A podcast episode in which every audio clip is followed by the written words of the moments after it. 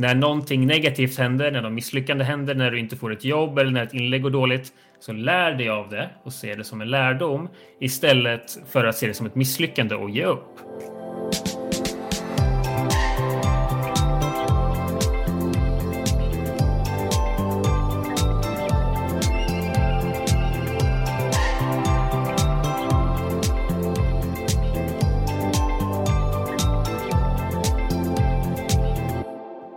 Och hjärtligt välkomna till podden med målet i sikte. Jag heter Charlotte Olsson. Och jag heter Lisa Gustafsson. Du och jag vi jobbar ju tillsammans eh, på Iris. Och eh, På Iris gör vi många olika saker. Bland annat så um, jobbar vi med att coacha människor som står utanför arbetsmarknaden och söker jobb. Och du är ju jobbcoach. Vad skulle du säga är den största utmaningen för, för de som du träffar?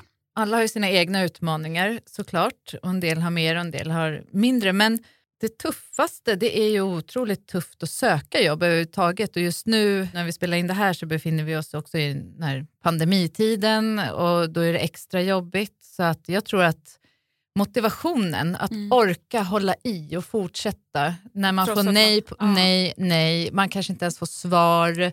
Det tror jag är den största utmaningen för dem och faktiskt orka hålla självkänslan, självförtroendet, motivationen. Ja. Det, det, är tufft för dem. Det har jag också, de gångerna jag som träffar arbetssökande så är det just det här med själv, självförtroendet. Att man, man tappar så lätt allt det här som man faktiskt kan. Mm. För att man känner att okej, okay, man, man, man blottar sig ju lite och säger titta på mig, ta mig, välj mig och sen så får man inte ens ett svar och då kanske det känns nej men jag var inte tillräcklig. Och lägger ner massa tid på att kanske skriva det där perfekta brevet och tänka ut hur man ska kontakta dem och så kanske man inte ens får ett svar. Alltså det är ju jättetufft. Men också hålla energin och hitta energin till att kanske prova andra vägar eller ja, ja testa precis. något nytt. Ja. Dagens gäst är Robin Andersson och han har ju faktiskt varit gäst tidigare i podden. Vi ringde upp honom en liten snabbis och då så pratade han om att han hade gjort sitt CV till en musikvideo och blivit alldeles viral på LinkedIn. Då hade han ett gäng jobb på gång eh, men han var fortfarande på jakt efter sin nya arbetsplats. Nu har han hittat eh, jobb och han stortrivs. Och eh, ni ska få ta del av hans allra bästa tips. Varmt välkommen tillbaka till Med målet i sikte, Robin. Tack så mycket. Jättekul att få vara med igen. Hur mår du?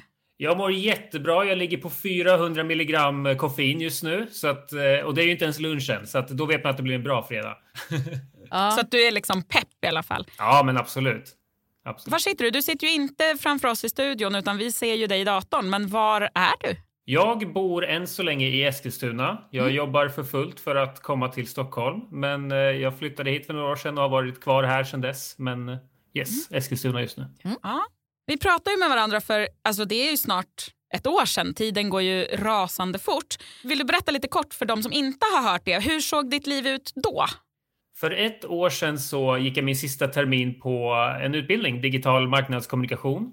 Och jag hade min praktik. Um, och jag som alla andra som tar examen förbereder sig för hur jobbsökandet kommer att bli och man funderar på vilken roll man vill ha, vad man vill jobba med för utbildningen var ganska bred och sådär.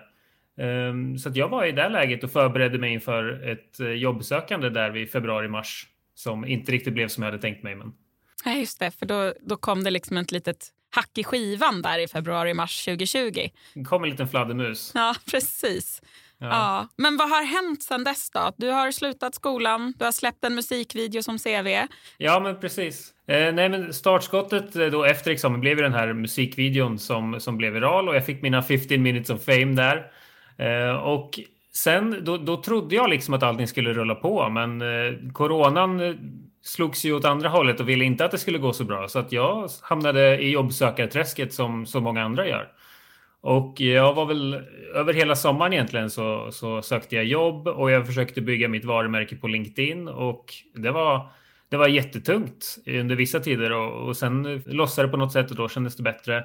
Eh, till slut så i september så fick jag ett jobb på ett, eh, på ett lokalt litet företag här i Eskilstuna. Fick jobba med marknadsföring. Skithäftigt såklart.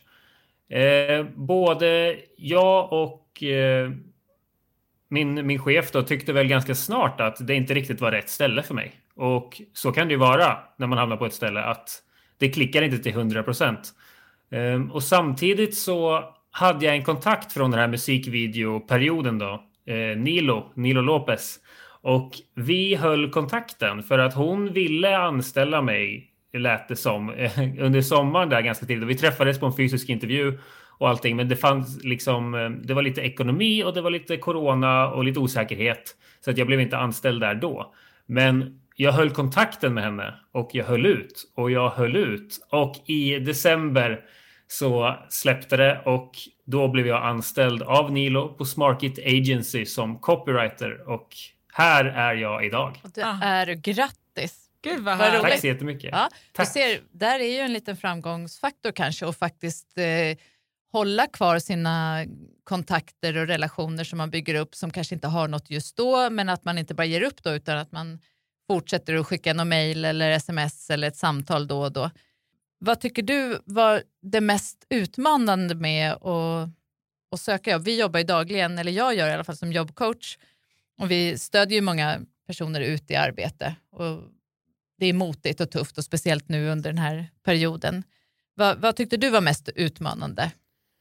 Alltså det är ju helt klart när man söker på jobb och sen får man ibland inte ens ett svar. Ibland får man ett tvärt nej och ingen förklaring till varför. Och ibland så får man automatiserade svar som är så otroligt opersonliga och det känns som att ingen har lagt någon tid på att kolla igenom vad jag faktiskt kan göra. Man tar det ganska personligt. Eh, och eh, lägg då till att man sitter i en ekonomiskt pressad situation och man hamnar liksom inte i de bästa mentala lägena när man får nej på nej. Och då framför allt när det var, det är ju fortfarande såklart en pandemi i världen. Så det, det finns få företag som direkt kan säga ja liksom. Och det, det, blir, det svåraste var att ta nej helt enkelt och det fick man göra gång på gång. Mm. Hur och gjorde du? Hade ja. du någon strategi liksom för, för att ändå orka med dem eller, eller var det bara tvärjobbigt? Liksom? För att hålla motivationen uppe också. Mm. Ja, alltså det som höll min motivation uppe var väl att jag försökte ta en annan väg än den klassiska söka på jobbannonser. Eh, utan jag försökte snarare bygga mitt personliga varumärke på LinkedIn. Något som jag hade börjat med redan hösten innan när jag sökte praktik. Så det var då jag fick upp ögonen för LinkedIn och det har gått jättebra för mig på LinkedIn hela tiden. Och jag märkte att det gav mig fler chanser till intervjuer om jag bara gjorde tre inlägg i veckan på LinkedIn snarare än att jag sökte på 50 jobbannonser. Och det var dessutom roligare att lägga min tid på att skriva inlägg, skriva till folk i meddelanden och bara så här skap, bygga relationer. Det var roligare och det gav mig mer än att söka på annonser. Så att trots att jag fick nej i mitt annonsjagande så lyckades jag på andra ställen. Och det var, det var väl så jag inte blev helt deprimerad. Och när du tog kontakt med företag, för det här vet jag många tycker att det är jobbigt, att man kanske, om man inte är van med LinkedIn så kanske man förknippar det lite med Facebook, att man känner att men inte kan väl jag skriva till personen eller så, men det är ju ett eh, professionellt eh, socialt media. Har du något tips på eh, hur man kan skriva när man kontaktar en, en person till exempel? Jag brukar ofta titta på folks profiler och se om jag gillar någonting och inleda med att skapa en koppling där att jag gillar att du gjorde det här och därför vill jag nu följa dig så att man alltid har en anledning till att man vill följa dig. Jag försöker att undvika att bara lägga till någon och sen inte säga någonting. Och samma sak för min del sen musikvideon och för att många av mina inlägg har gått bra så är det ofta folk som lägger till mig och då försöker jag alltid att göra det till ett, ett spel, att vara först med att skriva. Så att så fort någon skriver till mig så öppnar jag med tack för kontaktförfrågan och sen kanske jag kommenterar någonting om deras profil. Jag vill liksom snabbt komma igång med ett, eh, ett samtal som kan vara väldigt ytligt till en början men som kan leda till vad som helst egentligen. Så att öppna med att vara genuin, vara snäll och uppmärksamma gärna någonting på deras profil. För där har du jättemycket bra info som du får av dem redan innan ni börjar prata. Mm. Ja, jättebra tips. Har du liksom kunnat be dem om hjälp också? Alltså de som du sen har skapat eller byggt upp i ditt nätverk? så?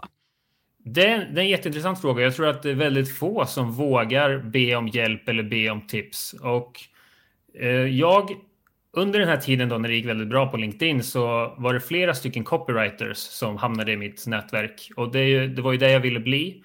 Och då till exempel när det började handla om att jag skulle börja löneförhandla eller, det handlade, eller om jag skulle ta egna uppdrag. Då vände jag mig till dem och frågade vad borde jag tänka på när jag ska ta, vad jag ska, vad jag ska ta betalt? Vad, vad är grundlönen och sådär? Och då var de jättesnälla och svarade. Mm. Jag tror att folk tror att man tar upp folks tid genom att ställa frågor. Men så Men, gillar man att hjälpa till. Eller jag gör ja, det i alla fall. Och om ja, någon frågar alltså mig de, så tar jag det som en komplimang. Ja, och du får ju en dopaminkick av att hjälpa någon annan. Så att, alltså att be om hjälp är inte alltid en belastning för den andra personen, utan jag hjälper dig att hjälpa mig och helt plötsligt så mår vi, mår vi båda bra liksom, och fått ut någonting av det. Så att våga liksom fråga. Eh, jag minns när jag kom in i, i copywriting-svängen så skrev jag till en amerikansk influencer, jag tror han hade 120 000 följare på Instagram och jätteframgångsrik copywriter. Och så frågade jag honom rakt ut Eh, vad, vad, borde jag göra som första steg? Jag vill bli copywriter och tjäna mycket pengar. Vad ska jag göra? Då skrev han bara läs The Ultimate Sales Letter av Dan Kennedy. Så beställde jag den boken och läste den på två veckor. Och sen, ja men liksom, alla vill hjälpa till. Ja. Utgå ifrån det så blir allting bra. Ja. Men jag vet också, för du delade en sån, sån rolig eh, liten händelse om just det här när man kanske ber om hjälp på fel sätt. Du hade plötsligt blivit kontaktad av din crush. Vill du berätta om den historien? Ja, det var aldrig meningen att det här inlägget skulle spridas så himla mycket, men 125 000 visningar senare så, så gjorde det det. Det var bara jag ville bara ta upp ett exempel på här hade man inte riktigt tänkt till. För, för då var det att en person ville höra av sig och ville be om en tjänst liksom. Och den personen hade inte pratat med mig på många år. Och det här händer ju hela tiden på LinkedIn, att folk hör av sig och vill ha någonting. Eh, jag har också en snabb radar för när någon vill påbörja sin säljpitch och det tror jag vi alla börjar ha nu för tiden. Att det här är inte genuint, det här är någon som vill ha någonting. Och då blir det fel. Det måste vara liksom ge och ta helt mm. enkelt. Mm. Ja men precis. Ja. Att, och när du har bett om hjälp då, då har du inlett med att kanske sagt någonting om deras profil och sagt att det var kul, jag vill följa dig. Och sen så kanske du har skickat ytterligare något och sen någon vecka eller någon månad senare ber du om hjälp. Eh, ja. och det, det beror ju också på vad det är för typ av hjälp kanske.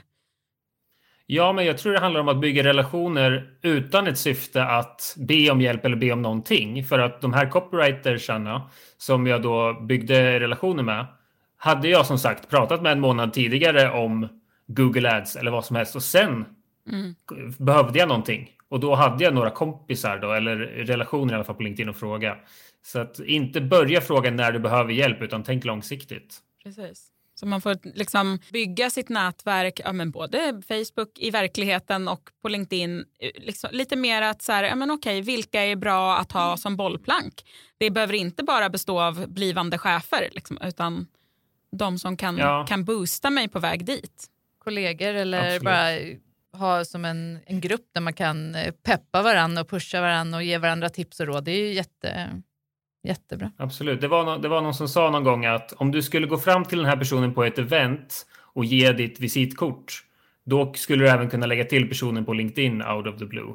Och då har jag försökt tänka att skulle jag gå fram till den här personen på ett event? Ja, det skulle jag. Ja, men då kan jag trycka på skicka kontaktförfrågan. Mm. Och ibland, det är många som tänker att så här, nej, jag kan bara lägga till de som jag redan känner. Eh, men då blir det ju lite som att gå på ett event och bara prata med dem eller ett, ett nät, en nätverksträff och bara nej, dig känner inte jag så vi kan tyvärr inte prata. Eh, utan det gäller ju, man, man måste, måste, måste man inte, men man lyckas ju bättre om man faktiskt vågar ta kontakt med, med nya människor. Så. Oh, dig känner ja. jag inte, dig ska jag prata med, vad spännande. Så, ja, men precis. Ja. Ja, men det, ja. det har varit ett av dina liksom, vinnande koncept att faktiskt ta kontakt och att, att eh, koppla till ja, men, vad det, här, det här är spännande med dig, vad kul att få följa. Egentligen boosta dem lite. Har du haft några andra mm. sådär, mm. vinnande koncept på vägen i ditt jobbsök? Alltså det, det största som har gynnat mig är nog mitt kunskapsdelande på LinkedIn i mina inlägg. För jag påstår ju mig själv fortfarande inte vara någon expert på copywriting. Jag är inte en av Sveriges bästa än. Men eh, många tror att man måste vara någon sorts expert eller guru för att kunna hjälpa andra eller för att kunna dela med sig av kunskap. Men jag tror det är fel väg eller fel sätt att se på det. För att även om jag när jag började lära ut om copywriting på LinkedIn, då hade jag kanske bara läst en bok. Men då har jag en boks kunskap mer än någon annan. Så att istället för att försöka se att man behöver vara någon sorts guru eller expert, tänk jag tycker det här var en bra metafor. Att tänk att du är grannen istället. Du är en granne som har sett någonting spännande eller läst någonting i tidningen. Du tittar över häcken och bara vill berätta om det här för din granne. Och så att när jag läser böcker nu, då är det som att det här var jättebra för mig. Det här måste ju andra få veta också. Och då blir jag som någon sorts medlare mellan den här superförfattaren som kan allting och den här som inte har kommit så långt. Då blir jag mellanhanden liksom och jag lär mig extra genom att lära ut. Folk lär sig av mig. Det blir jättebra. Alltså, jag tror att man ska sänka förväntningarna på att man behöver inte vara världens expert på ett ämne. Men däremot så kan du positionera dig som någon i den branschen genom att prata mycket om det du lär dig och lära ut här till andra. Det är en jättemöjlighet. Och sen blir du bjussig också och lär, alltså man delar med sig av sina tips och idéer. Det älskar man ju. Jag älskar att titta på webbinarium och se så inlägg där, där folk tipsar om, eh, ja men ger råd och tips. Ja, och jag tror, jag, jag ger mycket konkreta tips. Alltså det här kan du jag, jag, pratade mycket om jobbsök i somras, ironiskt nog eftersom jag själv var jobbsökande, mm. men hur du kunde utforma ditt CV och så vidare. Och de, ja, de blev jätteuppskattade just för att det var konkret. Det var mm. liksom så här har jag lärt mig att man kan göra, så prova det du också. Och så provar folk det och så förhoppningsvis så blev det bra. Liksom. Jag, tycker, jag följer ju dig och har liksom varje gång det dyker upp så jag säger gud vad smart. Och i, väldigt ofta så använder du också metaforer, att liksom koppla det till någonting annat där man kanske känner sig mer hemma. Bland annat så vet jag att du, du pratade om eh, hur man kan eh, reflektera över sina misslyckanden kopplat till din bowlingkarriär. Vill du berätta om det? Absolut. Jag, jag levde ju bowlinglivet i över 20 år och åkte runt och tävlade och var på en ganska hög nivå. Och jag, jag tror att många har en bakgrund inom någon, något ämne, någonting man har gjort i livet som man har lärt sig mycket av. Men det kanske inte är så ofta man kopplar det till, till det man gör nu. Men däremot så har man nog undermedvetet lärt sig väldigt mycket. Jag lärde mig jättemycket från bowlingen och nu när jag tittar tillbaka på det från ett marknadsföringsperspektiv eller nätverkande perspektiv så har jag ju lärt mig saker från att stå och kasta det där klotet om och om igen som jag använder nu på LinkedIn. Alltså mentala tips och tricks och sånt. Och jag tror att det, det gör också att jag bjuder på mer av, av min personlighet och få, många förknippar mig säkert som den där killen som också bovlar. Mm. Och jag, jag, tror att många har den grejen, men man pratar inte om det för man tror att nej, men det har ingenting med med det jag jobbar med nu att göra. Fast det, det, blir ju lite av din, ditt varumärke också. Mm. Så att koppla jättegärna dina lärdomar från det du har gjort innan till det du gör idag. Och framförallt hitta dem. För man kanske helt bara har puttat bort hela den, den delen. Men om man grottar lite i det där man har gjort innan så kanske man kan plocka upp saker som så här, aha, det här har jag också som egenskaper och styrkor och liksom kunskapsområden som man kan lyfta upp på CV eller liksom, ja, jobba Precis. utifrån. Men vill du berätta om det här liksom, sättet att, att reflektera över misslyckanden? För det kan ju också vara någonting som man faktiskt kan ta med i sitt jobbsökararbete.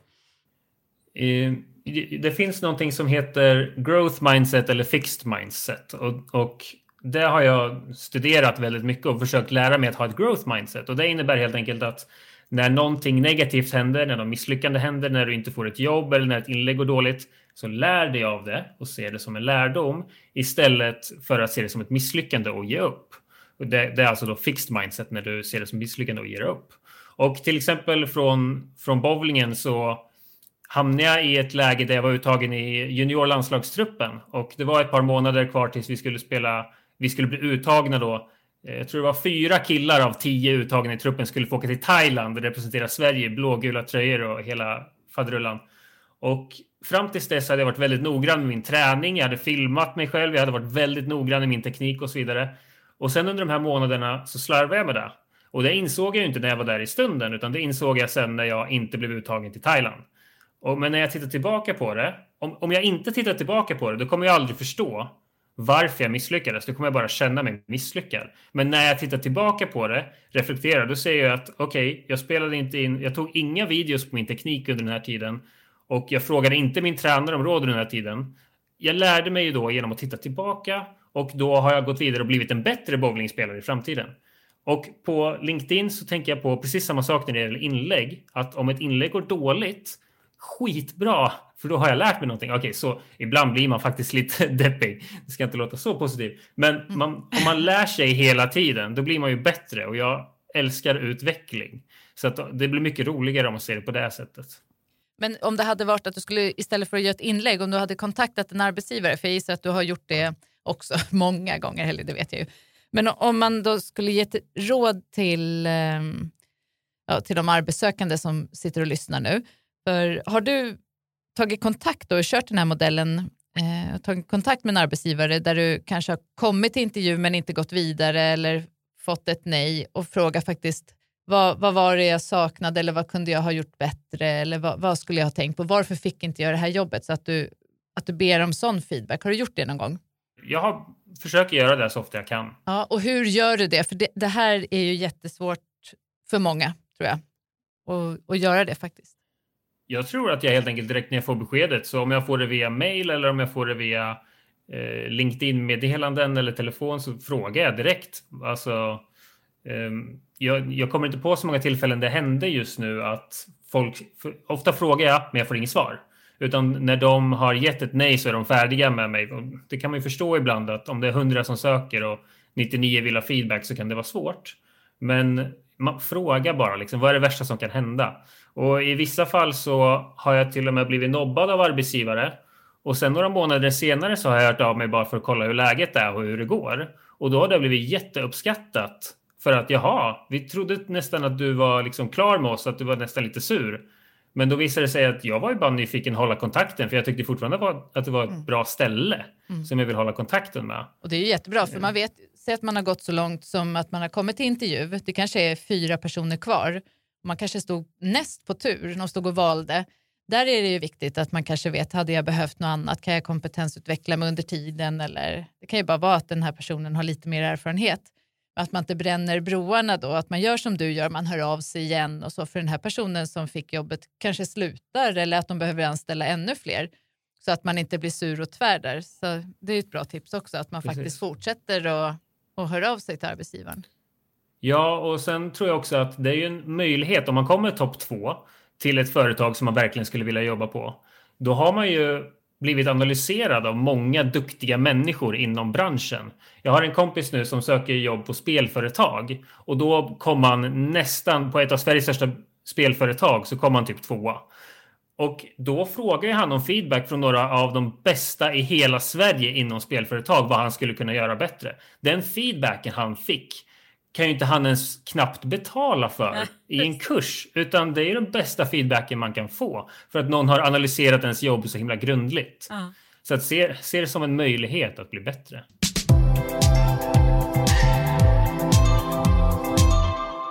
Men du, har du några tips på det här med att liksom ändå hålla kontakten?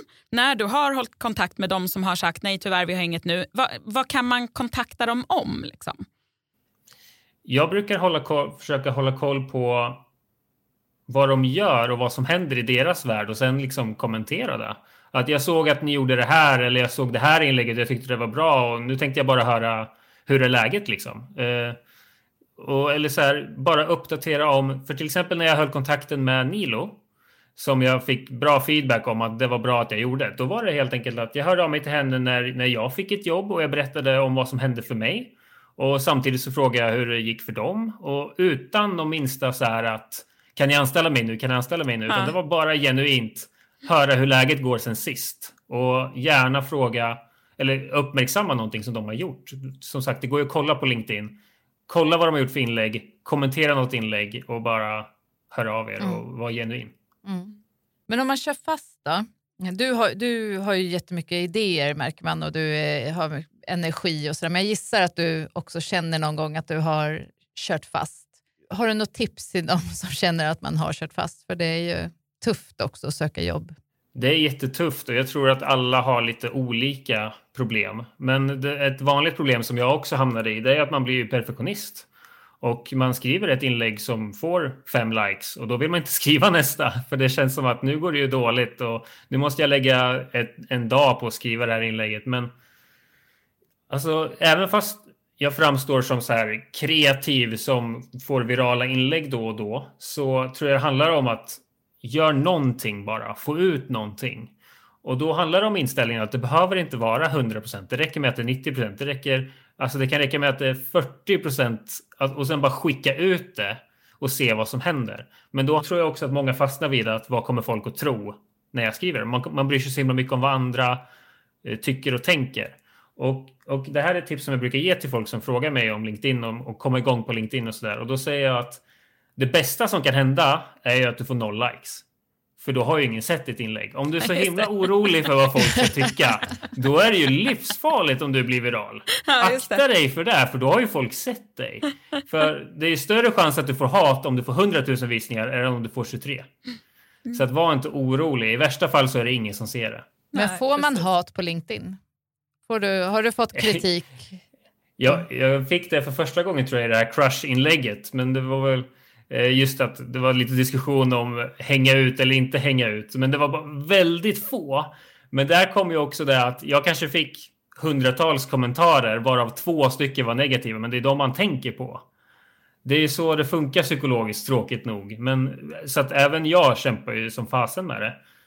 Men det gäller bara att man försöker komma över det och skriv nästa inlägg, gå vidare. Mm. Pumpa ut någonting. Och Det kan man väl tänka även när man, om, man, om man söker jobb eller liksom tar kontakt med ett företag. Okej, eh, jag, måste inte, jag måste inte veta exakt allt. Det är klart jag ska vara påläst. Det är klart jag ska liksom, ha det mesta förberett. Men att man, man liksom, den behöver vara good enough. Mm. Eh, lyft luren eller skicka det där mejlet. Fila inte på det tills det är för sent. Eh, det är lite samma med liksom, i försäljning. Att man bara oj, oj, oj, vänta nu måste jag förbereda mig ett varv till innan jag, innan jag ringer. Nej, det går, alltså, man kan aldrig bli man kommer inte vara 100% nöjd oavsett om det är när jag ska skicka mitt CV eller mitt, eh, ja, men bara ta kontakt med någon. Utan hellre göra det än det faktiskt att det liksom, ah, fast nu, nu blev det för sent tyvärr för nu har vi redan anställt eller nu hade ansökningstiden gått ut eller ja, det blev inget inlägg. Exakt. Alltså jag har skrivit inlägg där, ett inlägg så inledde jag med helt random bokstäver. Jag slog mina två händer på tangentbordet och det fick bli min första rad i inlägget. Jag har skrivit inlägg på engelska. Jag har gjort så här videoinlägg som inleds helt knasigt. Men, men jag har ju då inställningen att det här kanske går dåligt. Det här kanske till och med jag tror kommer att gå dåligt. Men då har jag lärt mig det. Jag provade att skriva ett inlägg på engelska bara för att se, får det mer eller mindre spridning? Ja, det fick sju likes, vilket var jättelite då. Ehm, så, så, så då vet jag om det. Men så fort man har byggt det här tankesättet att antingen så lyckas jag eller så lär jag mig. Då blir allting så mycket lättare för då kan du släppa saker när de är 90 procent. Mm. Och så vet du att jag lär mig om det går dåligt. Men du har inte sökt bara på LinkedIn, eller är det den största delen du har sökt jobb på, eller via LinkedIn? Har du haft fokus på att söka där, eller har du även eh, kommit på andra sätt eller jobbat på ett annat sätt och söka jobb? Eh, Jag, jag sökte inte jättemycket via LinkedIn utan där byggde jag snarare ett personligt varumärke Mm, och sen hoppades okej. jag att företag skulle upptäcka mig. Annars så sökte jag via annonser som alla andra men jag Mm. sökte också jag hittade även företag som jag tyckte det här skulle vara drömföretaget. De har ingenting ute just nu men jag söker spontanansöker. Mm. Och de, de är ju svåra för att där får man ju dels får man sällan svar och sen får man nästan alltid ett, ett nej till svar. Men, men det försökte jag också med. Men, men det gick bättre att bygga ett varumärke på LinkedIn och låta företag komma till mig snarare än att eh, söka annonser. Så om jag skulle lägga tid på någonting så skulle det vara att bygga varumärket utifrån den här granntaktiken. Mm. Ja, just det. Vara den här kloka grannen på andra sidan häcken som kommer och säger ja, har du hört att eh, det här, visste du om det här? Exakt. Ja, det är en Exakt. jättefin liknelse tycker jag. Eh, men du är ju också bra på att sticka ut. Med, ja, men din, din musikvideo var ju ett väldigt tydligt exempel på det. Eh, är det viktigt att man, att man sticker ut, tycker du? Jag tycker det är viktigt att man är sig själv och det är så få som vågar vara det. Alltså när jag skriver ett bowlinginlägg då, då är ju det från mig och när jag berättar om eh, Eh, hur jag grät på parkeringsplatsen i Örebro efter att jag inte gick vidare i en bowlingtävling, då är det jag som lättar på mitt hjärta och jag tror att folk connectar med det. Det är ingen som liksom kommer att se ner på dig för att du pratar om personliga grejer. Så att när, när man pratar om att sticka ut så handlar det inte om att du måste bli en cirkusartist som jonglerar och får en miljon likes utan bara att du kontinuerligt visar sidor av dig. Inte vad du tror att andra vill höra nödvändigtvis utan att, att du är dig själv. Och det, det kommer att löna sig i längden för folk kommer att se dig. De kommer inte att se den du försöker vara. Nej, och det är ju dig de ska anställa så att det, då är det ju bättre än att när det väl när du har kommit igenom halva ansökningsprocessen så inser de att ah, fast du var ju inte den där som du låtsas vara ändå. Så det, det var ju till och med, jag, jag såg någon som sökte jobb genom att berätta hur jag kommer inte ihåg exakt vad hon sa, men hon sa att hon var socialt inkompetent. Hon sa att ni, jag, jag kan inte riktigt prata så bra med folk på fikarasterna. Jag eh, kommer sent ibland. Jag kommer inte ihåg exakt vad hon sa. Och sen avslutade hon med, men, men ni kan räkna med det här från mig. Ja. Men då, då berättade hon negativa sidor om sig själv. Men det var hon. Och mm. då kände sig nog arbetsgivarna mer säkra på att nu vet vi vad vi får. Istället för någon som säger att jag är ambitiös, jag är driven, jag kommer i tid. Här är någon verkligen... med självinsikt och ärlig ja. person. Ja. Och då känner ja. de sig nog tryggare även fast det fanns lite negativa aspekter. Men då vet vi mm. i alla fall vad vi får. Ja, precis. Och det, är också, det har ju vi pratat förut om, just det här med att, att styrkor och svagheter hör ihop. Och väldigt ofta på intervjuer så blir man ju ombedd att, att ta upp svagheter. Så varför inte liksom bara lyfta dem på en gång och säga att man visar dem men att man ser till att så här, å andra sidan, liksom, andra sidan av de här eh, egenskaperna är allt det här bra som, som kommer med. Och att man vet om det gör ju också att man har en självinsikt. Man vet ja, det här är min svaghet, jag vet hur jag ska jobba med det. Och kanske jag inte vet, men jag vet också vilka andra styrkor jag har. Jag vet om min svaghet, ni vet om det nu, då kan vi kanske hitta ett sätt att undvika, kanske kan ha, införa flextid på mig idag, eller ja. jag behöver kanske inte sitta och fika. Det är många som inte har de här sociala behov. Man har ingen behov av att sitta på en fikarast och prata, utan man kanske hellre sitter själv eller så jobbar man. Det är ju personlighetstyper. Så, och vet en arbetsgivare om det, det är väl toppen då. Så. Ja, det tycker jag också. Ja, ärlighet är bra. Ja. Har du några, några såna där äh, andra tips till när man, när man känner att man är totalt nere i liksom, äh, nu orkar jag inte, nu, nu lägger jag av, jag kommer aldrig få något jobb. Vad, något, liksom, någon, någon motivationstips sådär? Äh? Jag lägger som sagt mycket vikt vid utveckling och jag tror att det är väldigt få tyvärr som investerar i sin egen kunskap under tiden som de är arbetslösa. Att man brukar ju prata om att när jag är arbetslös så är det mitt jobb att söka jobb. Så därför ska jag göra det åtta timmar om dagen. Men det som gjorde mig så mycket mer självsäker var att jag studerade marknadsföring och copywriting som en galning medan jag var arbetslös. För att när jag väl får chansen så ska jag vara duktig. Ah. Och jag, jag tror att folk ser det som att antingen så jobbar man eller så är man arbetslös. Men det finns ju även det där mellanläget. Jag lärde mig mycket mer om copywriting när jag var arbetslös än när jag pluggade till exempel. För att då valde jag ut exakt det jag ville bli bra på och det jag ville jobba inom. Det. det är en jättemöjlighet. Jag vet min drömroll. Nu kan jag jobba för att hamna där. Nu har jag massa tid på att bli bättre. Om man då lägger till då LinkedIn-taktiken att jag lär mig och jag lär ut. Då bygger du dessutom ditt personliga varumärke och ökar chansen att få jobb. Mm. Så att egentligen så söker du jobb genom att läsa böcker om ja, du delar med dig av kunskaperna på LinkedIn. Mm. Ja, för det är ett bra mm. tips också. Man hittar drömföretaget där man vill jobba. Man kanske inte har all kunskap för att kunna jobba där. Men eh, där kan man också fråga företaget, okay, för att kunna jobba hos er nu, jag har det här och här men jag vet att jag saknar vissa delar. Vad behöver jag bli bättre på eller vad behöver jag för kompetens? Kanske är en kurs du behöver ta eller ja, och så passar man på att göra det medan man är arbetssökande. Det är ju som sagt investera i sig själv och investera i framtiden. Och Man blir också relevant. Alltså du får ju det senaste i den branschen du ska in i. Och Oavsett vilken bransch tänker jag så finns det, jag menar kolla på Youtube, det lär finnas liksom videos och, eller, eller bara så här, okej, okay, eh, någon form av, av eh, böcker böcker. Alltså det finns ju så mycket gratisutbildningar nu också. Eh, och det, det, kanske handlar om att okay, jag ska in i den här branschen och där är jag, liksom, där, där, där har jag ganska hög kompetens. Men däremot så är jag inte så vass på, på IT och, eller liksom eh, Office-paketet. Ja, men kliv in där då och gå i, liksom, förkovra mm. dig där. Så. Ja, tänk vilken skön känsla på arbetsintervjun när du istället för att säga ja, men jag är okej okay på eh, Office-paketet och Adobe-paketet. Istället så kan du säga ja, jag har lagt mina 30 senaste dagar på att bli skitbra på Photoshop, så det är jag riktigt bra på. Mm. Man får ju självförtroende in i arbetsintervjun genom att kunna ha den kunskapen bakom sig. Toppen tips, verkligen. Eh, för det, det, finns ju, det är klart att man kan man kan söka alla jobb i hela världen men det är ju bättre att liksom samtidigt klä på sig på något sätt. Att, att eh, ja, att se till att man är tillräckligt skillad och till och med den bästa. Ja, för förhoppningsvis så tycker man ju om det ämnet man ska jobba om. Och då bara hitta ditt favoritmedium, om det nu är podcast, ljudböcker, Youtube-videos, kurser och studera det. det mm. Se det som en kul grej och så kommer det ge dig självförtroende. Ja, underbart tips. Vad har du för mål nu? Nu har ju du ändå har du ju fått ett jobb. Har du? The, the jobb till och med. The. Det, det som ja. du verkligen vill ha. Ja. Ja. Har du något mål? Jag gissar att du är en sån person som gillar att ha mål. Alltså det där är så intressant för under, under så många år så har jag haft målet att få ett heltidsjobb inom det jag älskar. Liksom. Och som, som 29-åring fick jag mitt första heltidsjobb i livet och det är ganska sent.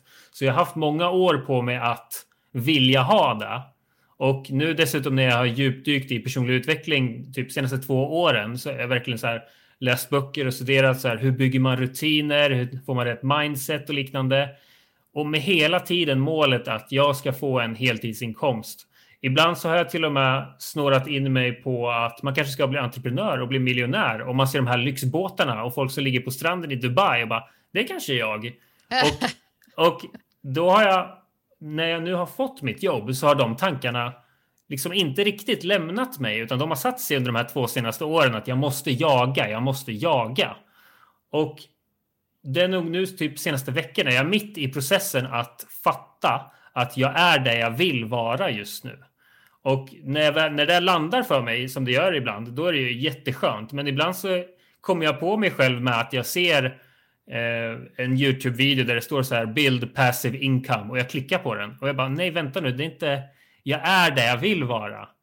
Så att just nu så, när det gäller mål, jag vill bli riktigt bra på copywriting. Eh, det, det är vad jag vill bli och sen behöver inte jag Inga så ekonomiska mål, inga hitta jobb-mål utan det är bara nu ska jag bli så bra jag kan bli och liksom gå rätt kurser, prata med rätt människor. Njuta av arbetslivet och livet. Ja, men faktiskt. Mm. Alltså man får faktiskt trycka på paus ibland Absolut. och bara njuta av där man är. Men det sa ju faktiskt eh, Sofia Lilja som är, är, är coach som vi pratade med tidigare i podden.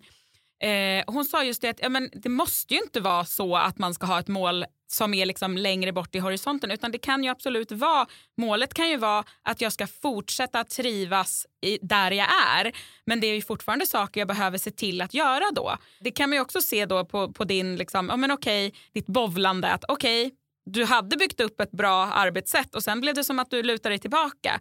Och, och det är väl lite det då, att målet är att inte luta sig tillbaka och känna att ja, men jag trivs där jag är så jag kan bara släppa allt nu. Nej, jag måste fortsätta att vara liksom, mm mitt bästa jag så att jag kan fortsätta att vara kvar här. Ja, och med mitt jobb där jag, jag är copywriter på en byrå då, och vi jobbar med massa olika kunder. Så jag utvecklas ju, vare sig jag vill det eller inte, så utvecklas jag ju och jag hjälper kunder med, med deras företag och det blir ju det blir som en press på mig att jag kan inte slappna av helt. Jag kan inte vara en säck om dagarna för att jag måste hjälpa de företagen för de betalar oss pengar. Mm. Så det är jättebra alltså accountability som jag får då från, de, från våra kunder och från mina kollegor. Så det känns jättebra.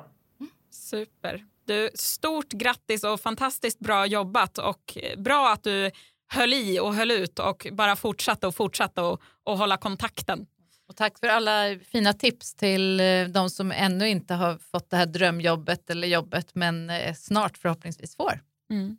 Ja, men tack så mycket. Om det är någon som vill ha hjälp med CV eller LinkedIn-taktik eller någonting så skriv jättegärna till mig på LinkedIn. Mm. Jag tycker det är jättekul att, att hjälpa folk på mer personligt plan och, och prata lite och sådär. Ja. Och följ, alltså verkligen tips att följa dig för du delar så mycket Alltså det, jag, jag, märker att jag väldigt ofta gör den här glödlampan på dina inlägg. Ah, insiktsfullt säger jag på allt. Ja. För det är verkligen det. Man blir så här, men gud det här har jag inte tänkt på. Väldigt smart.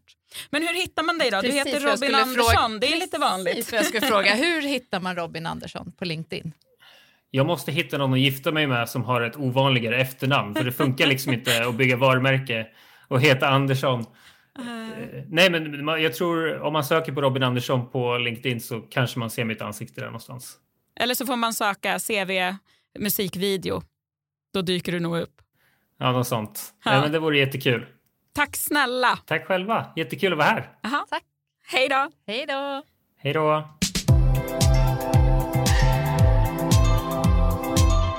Det var ju fantastiska tips som vi fick av eh, Robin. Han har ju där när vi pratar om att det kan vara svårt att hitta energin. Han har ju hittat sin energi nu och han har ju också mm, kunnat bibehålla sin energi under sitt sökande ganska mycket. Men får ju dippar också. Det som han sa, det vi pratade om också innan, att många tycker det är tufft när nejen, när det kommer nej på nej Ja. på nej, hur man hanterar det. Och det här tipset som han hade att man ska efter ett tag, att man inte bara ska ge upp efter ett nej, utan man kan höra av sig efter några veckor och fråga, säga att ja, jag undrar om, eh, jag sökte jobb här för en tid sedan, eh, jag undrar om det kanske är så att det har dykt upp något mer jobb. Eller bara håll i som man sa, skicka ett meddelande eller håll kontakten kvar och visa intresse, beröm dem, ge dem cred för någonting de har gjort och visa uppskattning.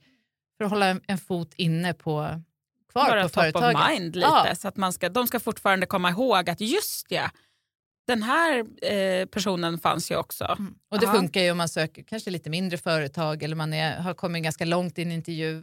Söker man ett lagerjobb när det är 500 sökande så kanske man får gå andra vägar. Men, Men, ja, men eh, precis. Ja, men, och då kanske det är rekryteringsföretaget som man ska liksom eh, hänga kvar hos lite och, och ja, bara höra av sig och fråga eller be om tips eller någonting.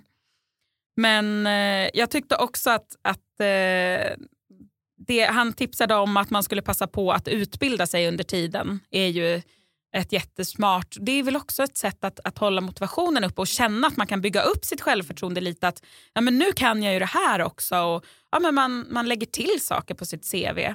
Och just, just på LinkedIn så finns det ju väldigt mycket, dels finns det någonting som kallas för lunch-in eh, som är över lunch där eh, ja, men folk har livesändningar. Det kan vara allt från att de tar in kända och okända personer och gör en intervju med om specifika ämnen. Eh, men det finns ju också massor av webbinars som, som eh, går att se i efterhand och så. Mm. Och där man kan lära sig massor. Och det blir ju också en väldig energikick att få bara några korta tips och kunna ta del av det. Sen kanske inte är någon rad man kan skriva in i CVt men du fyller ju hela tiden på din kunskapsbank som du kan använda dig Mm. av. Om inte annat för att känna att ja, men jag är på rätt väg. Ja. Jag, jag, det här hade jag koll på. En annan så här, härlig eh, sak som han sa var det här lyckas eller lär dig. Mm. Vad var det han kallade det? Growth?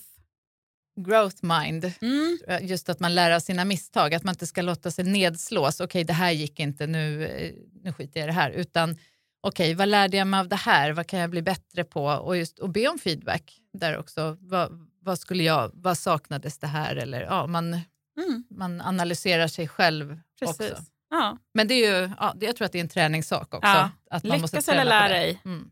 Ja, det, det värsta som kan hända är att man får lära sig någonting. Det är ju en ganska bra grej. Alltså då, det kan ju aldrig bli dåligt då. Slutet kan aldrig, det kan aldrig sluta illa för att man har åtminstone lärt sig någonting. Mm. Eller så har man lyckats och det var ju himla bra. Så kan man tänka. Ja. Men lite som, som eh, så många andra av våra gäster har sagt oavsett ämne, våga. Våga lägga ut ett inlägg på LinkedIn. Våga ta kontakt med den här. Våga be om hjälp. Mm. Så det, det tycker jag det är nästan ett tema för den här podden. Som alla Mm. våra gäster säger. Mm. Våga byta bransch. Våga hoppa och testa det här nya. Kliva utanför den här komfortzonen och testa något nytt. Ja. Men det var allt som vi hade idag. Tack snälla Lisa för den här stunden med dig. Tack själv. Tack till alla lyssnare och tack till Story of You. Och vi ses om två veckor.